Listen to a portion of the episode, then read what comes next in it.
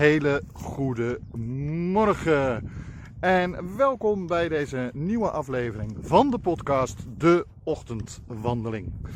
Mijn naam is Bastiaan Toornent, ik ben theatermaker, acteur, maar vooral hondenliefhebber. En zoals iedere morgen loop ik weer met mijn honden door de Zandvoortse omgeving. En terwijl ik dat doe, bespreek ik met u diverse politieke en maatschappelijke onderwerpen. Nou kunt u deze podcast vinden op Spotify, Apple Podcast, iTunes en nog vele meer uh, uh, diverse podcastplatformen. Als u daar luistert en of als u zich daar abonneert, laat dan even een, uh, een recensie achter, zodat anderen ons beter kunnen vinden. tevens kunt u ons natuurlijk vinden op YouTube en op Facebook. Daar ziet u ook de video van de podcast. Uh, als u zich daar abonneert, dan kunt u daar direct ook een reactie bij plaatsen. Voor de andere luisteraars uh, kunt u natuurlijk reageren op deze podcast. En dat kan gewoon via uh, onze website www.torenent.nl of natuurlijk via het speciaal ingestelde e-mailadres voor deze podcast ochtendwandeling.torenent.nl Goed, waar gaan we het vandaag over hebben? Ik kan er niet omheen. We gaan het hebben over de blunder van Ollongren.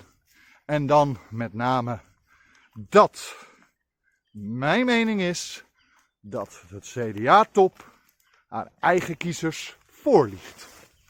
En waarom neem ik deze stelling? Nou, dat zal ik rustig uiteenzetten. Kijk, wat er gisteren gebeurd is, dat uh, de notities van Olongren te lezen waren op een foto van een persfotograaf. Uh, dat, uh, nou ja, voor de pers en voor de kiezer is dat eigenlijk alleen maar mooi.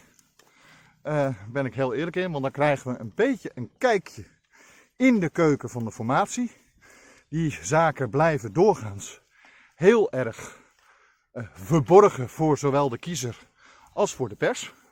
Dus, nou ja, dat is ergens mooi. Maar aan de andere kant is het natuurlijk een gigablunder. Uh, en iets wat nou ja, een partij als D66 niet goed doet. Uh, zeker niet, aangezien D66 toch steeds meer als een regentenpartij wordt gezien. En steeds meer wordt gezien als uh, een elite die uh, het klootjesvolk hun wil op wil leggen. Nou ja, daar doet dit niet goed aan. Maar denk ik werkelijk dat D66 of Kaag of Olongren zelf hierachter zit. Achter het feit dat ze bijvoorbeeld de titel, en daar gaat het natuurlijk het meest om, dat is het schandaligste wat er, uh, uh, wat er stond, uh, van Pieter Omzicht, of nou ja, Omzicht, positie elders, die aantekening. Er is natuurlijk al heel veel over gezegd op tv en op de radio. En nou ja, alle politieke leiders hebben al hun antwoord gegeven. En als ik heel eerlijk ben, ik geloof mm, ongeveer de helft ervan. Want iemand moet dit toch aangegeven hebben.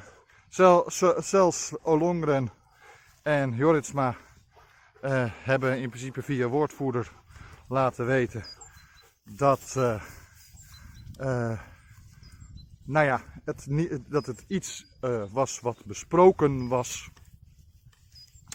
Terwijl bijvoorbeeld Rutte en Kaag juist zeggen dat zij dit niet met de, hoe heet het, de verkenners hebben besproken.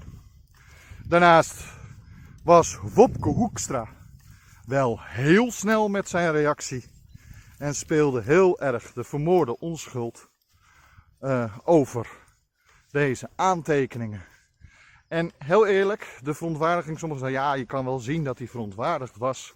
Nou, ik vond als je goed kijkt naar zijn reactie, en dan heb ik het niet over zijn reactie op Twitter, maar zijn reactie op de camera's, vond ik dat hij meer verborgen was. Want hij had het maar heel even over Pieter Omzicht. Dat hij meer verbolgen was over uh, de notitie uh, Wopke Hoekstra's onderhandelingstactiek. dat hij daar meer boos over was dat ze zoiets over hem hadden opgeschreven.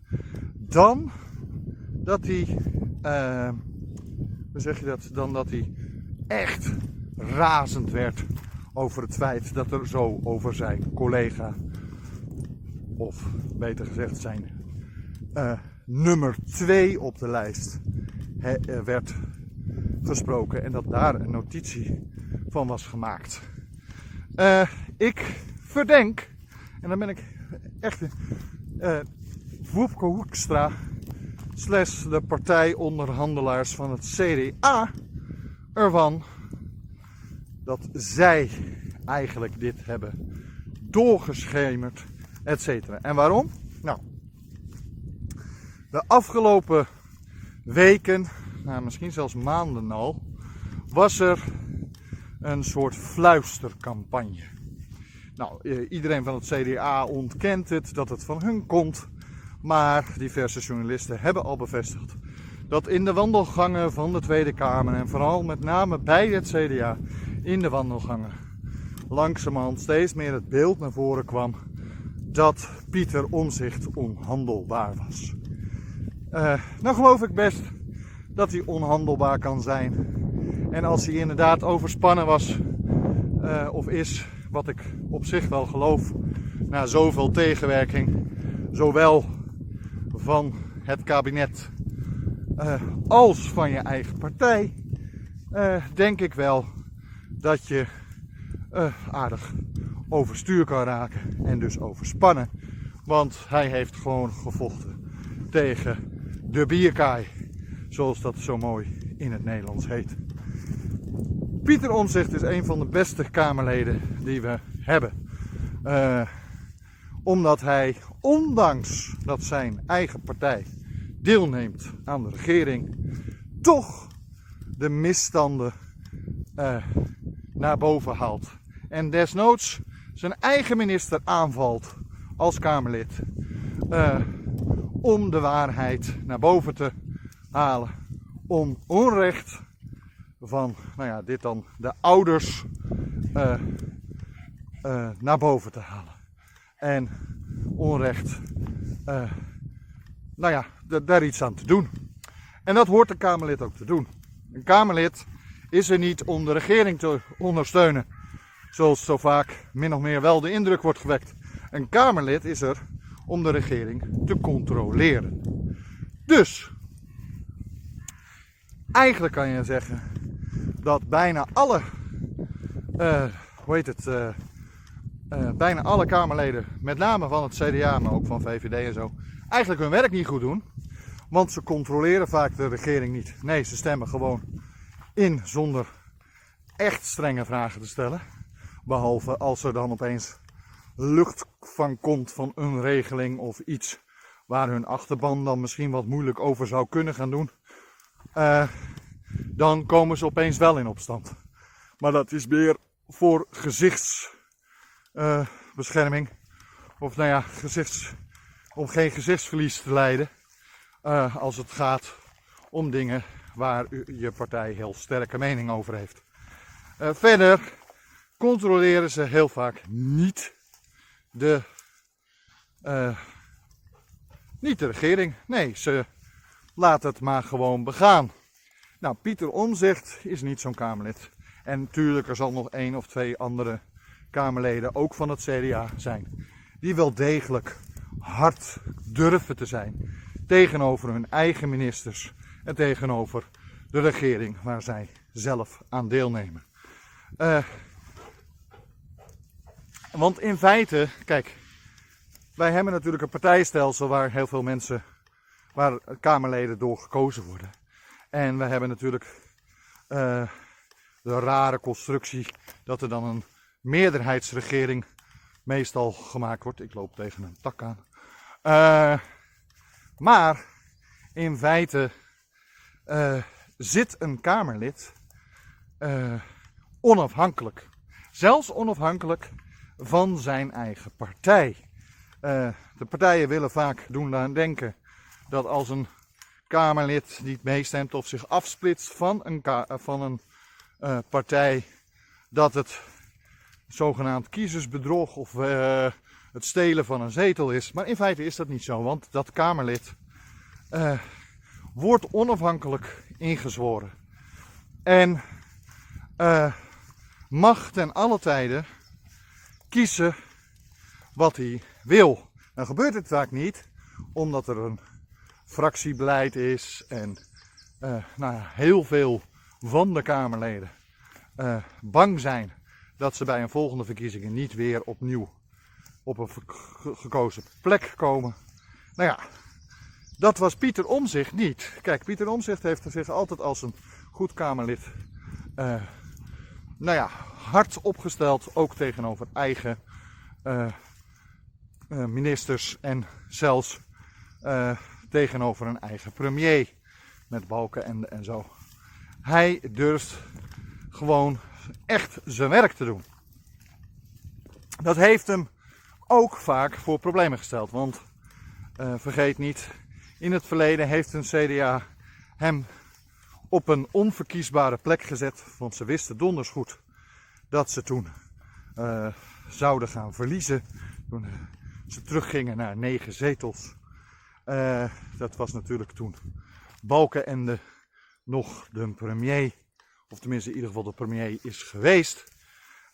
Toen heeft Pieter Omzicht stond toen op plek 19 of zo, terwijl ze donders goed wisten dat zij waarschijnlijk niet meer dan 15 zetels zouden halen. en hij heeft toen door voorkeurstemmen en echt een, heel veel voorkeurstemmen, heeft hij toen uh, toch, is hij toch in de Tweede Kamer gekomen. Dus deze man wordt niet gekozen omdat hij lid is van het CDA. Hij wordt gekozen omdat hij een goed Kamerlid is. Nou, dat kan je nu ook weer zien, want hij heeft ruim 342.000 voorkeurstemmen gehad met de huidige verkiezingen. Dus als er iemand daar zit, uh, ondanks dat zijn partij hem tegenwerkt, uh, en wie recht heeft op een zetel in de Tweede Kamer, dan is het wel Pieter Onzicht. En waarom kom ik dan op het feit dat hij vooral met name door het CDA zelf uh, in principe tegen wordt gewerkt. Of in ieder geval uh, ik nu het vermoeden heb dat Wopke Hoekstra en de partijtop van het CDA wel heel extreem boter op hun hoofd hebben als het gaat om Pieter Omzicht. Nou, ik kom tot die conclusie omdat kijk naar hoe de verkiezingen zijn gegaan. Hij heeft nipt de lijsttrekkersverkiezing uh, vorig jaar in de zomer verloren. Uh, echt met een heel kleine minderheid, uh, heel klein verschil, is hij niet verkozen. Nou, dat is op zich, dat is mogelijk. Maar vervolgens kwamen er gelijkberichten uit dat die hele lijsttrekkersverkiezing toch wel een beetje, uh, nou ja, dubbel was. Hij was niet echt, uh, nou, laten we het zo zeggen. De eerlijkheid van die lijsttrekkersverkiezing is nog steeds een discussie. En zeker binnen het CDA. Hoe eerlijk dat is geweest. Aangezien bijvoorbeeld de vrouw van Pieter Omzicht zelf een mailtje krijgt. Bedankt voor je stem op Hugo de Jonge. Terwijl ze toch dicht op Pieter Omzicht had gestemd. Of ze moet zelf daarover liegen, maar dat geloof ik niet. Uh, dus, ik zit vast aan een tak. Uh, dus dat was al disputabel. Waarom zou uh, de Tweede Kamer hem niet willen als een, hoe heet het? Als een, als fractievoorzitter of in ieder geval als partijleider. Nou, om het hele simpele feit dat hij erg kritisch is en ook naar een eigen regering. Dus in hoeverre zou hij wel degelijk goed kunnen uh, omgaan met een. nou, ik kan er even niet op komen. Hoe kan hij goed omgaan met een regeringsakkoord? Uh, hè, daar kan ik. Daar is het, een regeringsakkoord. Want hij is natuurlijk erg kritisch en ook naar de eigen ministers. Dus waarom zou hij dat niet zijn als hij een regeringsakkoord afsluit? Voor de mensen die de video kijken, zal ik even een rondje draaien. Ik sta op een uitkijkpunt, zodat ze de achterkant kunnen zien. Uh, het waait hier wel heel erg, dus ik ga hier meteen weer weg. Terug naar Zandvoort toe. Ik loop nu richting uh, Overveen. Goed. Uh, Pieter Omzicht wil de partijtop van het CDA in mijn beleving wilde Pieter Omzicht gewoon niet hebben als partijleider. Uh, te lastig, te kritisch en hij maakt misschien net iets te vaak ruzie. Uh, nou is het bekend van Pieter Omzicht, ook van andere Kamerleden, dat hij nogal vaak ook ruzie kan maken met, nou ja, om niet altijd belangrijke dingen. Uh, wat ik op zich begrijp, want het is een vastbijter. En hij wil gewoon dat mensen hun werk goed doen. Uh, wat ik logisch vind. Uh, zouden wij als kiezer ook moeten willen dat mensen hun werk goed doen. Maar uh, dat wil niet zeggen dat hij geen goede partijleider zou zijn. maar goed, het CDA dacht daar anders over. Hugo de Jonge heeft toen gewonnen. En daar is op zich niks mis mee. Maar Hugo de Jonge kon het niet aan. Bovendien, omdat deze onzekerheid bestond. hey, sorry, ik moest even mijn hond terugfluiten. Uh, omdat er deze onzekerheid bestond over de hele verkiezing van Hugo de Jonge. Uh, en omdat hij als minister van coronabeleid het heel slecht doet. Masja, kom op! Uh, is hij natuurlijk in december teruggetreden als partijleider. Nou, toen heeft Pieter om zich niet nog een gooi gedaan, wat ik op zich een beetje raar vond. Want op zich zou het logisch zijn geweest, aangezien hij tweede was en toch ook wel heel veel stemmen heeft gehad van de CDA-leden. Uh, was het misschien wel logisch geweest om hem gewoon partijleider te maken. Maar Hugo de Jonge zei dat hij het wel wilde doen en Pieter Omzicht was het daarmee eens. Tenminste, dat is hetgene wat toen die tijd naar voren kwam en ook Pieter Omzicht zelf naar voren gebracht heeft. Dus nou ja, daar hoeven we misschien niet aan te twijfelen. Maar het feit dat vervolgens Pieter Omzicht in de hele verkiezingscampagne amper een rol heeft gespeeld, opeens niet meer, uh, nou ja, wel de tweede man was op de lijst, maar niet uh, de running mate min of meer. Uh, zegt natuurlijk wel genoeg. Bovendien, als nu het CDA mee gaat doen met het kabinet, dan is het vrij logisch dat de fractievoorzitter van het CDA uh, Pieter Omzicht wordt, omdat hij op nummer 2 staat. En ja, kijk, dat Rutte niet blij is met een Pieter Omzicht als Kamerlid, die begrijp ik. Ik bedoel, Pieter Omzicht is lastig voor Rutte. Uh, dat D66 ook denkt, jeetje mina, daar gaan onze ministers en staatssecretarissen. Maar zelfs die kan ik me voorstellen, aangezien uh, Pieter Omzicht een vast bijtertje is en als hij fractievoorzitter is, dan is hij eigenlijk degene uh, die het zijn eigen regering zelfs nog lastig zou kunnen maken. En ik heb zelfs het gevoel dat hij een Kamerlid is die desnoods zijn eigen regering, waar zijn eigen partij aan meedoet, laat vallen over iets, uh, aangezien het dan niet in de haak is. Uh, maar dit is allemaal gebeurd. En ik kan inzien dat uh, andere partijen zoals het VVD en D66 vraagtekens hebben bij Pieter Omzicht. Maar om hem nou op een andere positie te willen hebben, ik, ik heb niet het idee dat zowel Rutte als Kaag dat actief hebben gedaan. Ik denk wel dat Wopke en zo dat wel willen. Om een heel simpel feit dat Pieter Omzicht natuurlijk zo populair is, met zoveel voorkeurstemmen is gekozen en heel lastig is, ook voor CDA'ers, dat dat nog wel eens een probleem kan veroorzaken in de toekomst. Bovendien, denk terug, hij is al een keer eerder, omdat hij te lastig was, op een onverkiesbare plek gezet op die lijst. Uiteindelijk heeft hij dan met voorkeurstemmen toen die tijd ook in de Tweede Kamer wel gekomen. Maar hij is door zijn eigen partij, ook nu weer met het hele toeslagenaffaire, tegengewerkt. Bovendien is hij door het CDA van het MH17-dossier afgehaald. Omdat hij te kritisch was naar de eigen ministers en het eigen kabinet.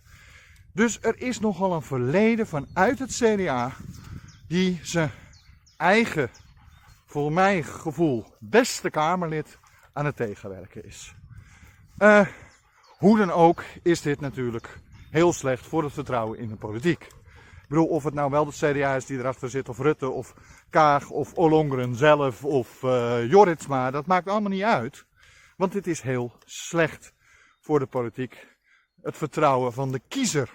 Aangezien zij, en zeker de kiezer van het CDA, massaal op Pieter Omzicht hebben gestemd.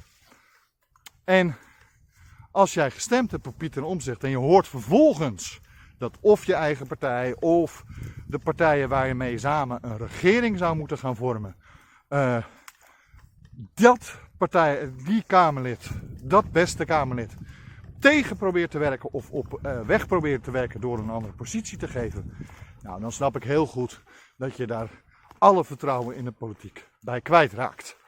Uh, zou ik ook hebben. Um, ik vind, met recht, kijk, uh, tuurlijk gaat het CDA nu niet meer Pieter Omzicht überhaupt, nu dit uitgelekt is, überhaupt proberen weg te werken.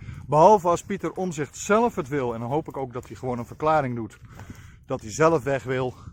Uh, uh, zou hij gewoon weer in de Tweede Kamer. Ik denk zelfs dat het nu uh, heel goed zou zijn voor het CDA. En ik ben helemaal niet voor het CDA, dat weten de mensen.